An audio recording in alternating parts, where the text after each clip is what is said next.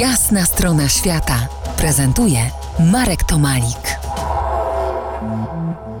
Moim gościem po jasnej stronie świata Mateusz Waligura, specjalista od wypraw wyczynowych, który m.in. pokonał rowerem morderczy szlak Kaniek Stogród w Australii Zachodniej. Mateusz, jak kiedyś rozmawialiśmy, to nie Gobia, właśnie Australia odcisnęła na tobie najmocniejsze tempo. I to nie wspomniana z poprzedniej, w poprzedniej rozmowie próba przejazdu z żoną Agnieszką najtrudniejszego szlaku pustynnego świata, ale ten twój drugi tam samotny przejazd solo rowerem. Co się tam wydarzyło? Po roku, po nieudanej próbie z Agnieszką wróciłem do Australii sam. Mm, wróciłem sam, bo na świecie był już nasz y, pierwszy syn, więc Agnieszka nie mogła przyjechać razem ze mną. Podjąłem po raz kolejny próbę przejechania tego szlaku.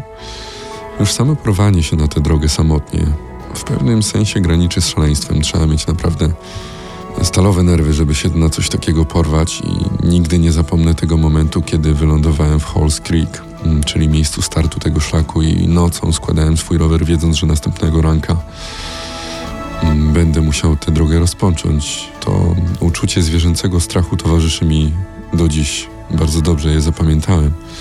Sama wyprawa obfitowała w wiele przygód, o ile przy pierwszej próbie, przy jednej ze studni uwięziły nas deszcze, tak tym razem w pewnym momencie drogę odcięły mi pożary buszu.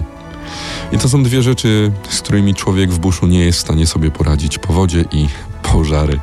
Także doświadczyłem obu z tych rzeczy. Obie były równie przerażające i wobec obu byłem równie bezsilny. Nie bałem, nie bałem się oczywiście o to, że, że spłonę w tym pożarze, bo byłem w miejscu, które było już wypalone, ale pożar, który, który szalał wokół mnie, odcinał mi drogę do następnego ujęcia wody. Nie mogłem wrócić Tak. do poprzedniej studni, bo nie wystarczyłoby mi tych zapasów, które miałem, a jednocześnie nie mogłem przedostać się do tej, która była przede mną, no bo tam szalał pożar. I to była taka, taka sytuacja, w której zdałem sobie sprawę, że po raz kolejny się nie udało, ale to nie miało dla mnie znaczenia, że oto drugi raz nie przejadę Kaninga. Wtedy największe znaczenie miało dla mnie to, żeby się z tego wykaraskać, żeby wrócić bezpiecznie do domu. Nie jeden z ludzi zajmujących się wyprawami, a mający własną rodzinę, musi toczyć boje. Bo to nie tylko rozłąka, ale świadomość utraty zdrowia, a nawet życia. Ty tę świadomość miałeś, bo w sytuacji krytycznej, dla ciebie ekstremalnej, nagrałeś film pożegnalny dla, dla żony i dzieci, tak? Tak było. Wiele rzeczy w trakcie tej wyprawy przez Canning robiłem emocjonalnie, instynktownie.